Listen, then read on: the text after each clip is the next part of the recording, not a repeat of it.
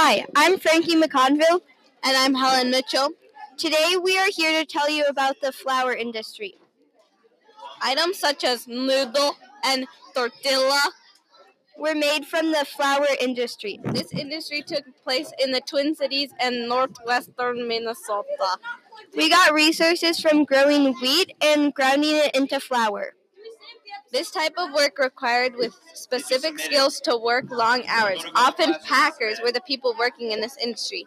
They needed to be able to work alone, quickly replace the bags, and not get bored easily because it's a really boring job.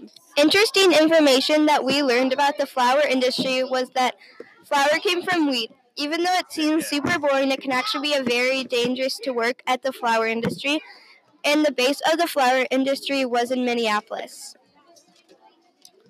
The most important things thing about the flour industry are the impacts it had on Minnesota. Warning, not all the impacts are positive. One major impact of this industry on Minnesota was it started to form Minneapolis because everyone wanted to come to Minneapolis because there was many job options at the flour mill.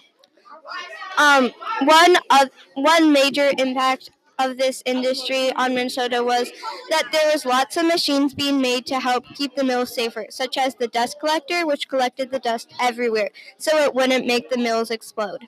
One major impact of this industry that had a negative impact on Minnesota was there was lots of dust in the air that caused the Marshman mill to explode, killing 18 men.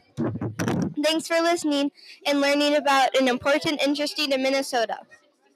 The people and land in Minnesota experienced many changes, both good and bad, because of this industry. Check out podcasts on different industries to learn uh, to learn even more about Minnesota in the 1800s. Yay!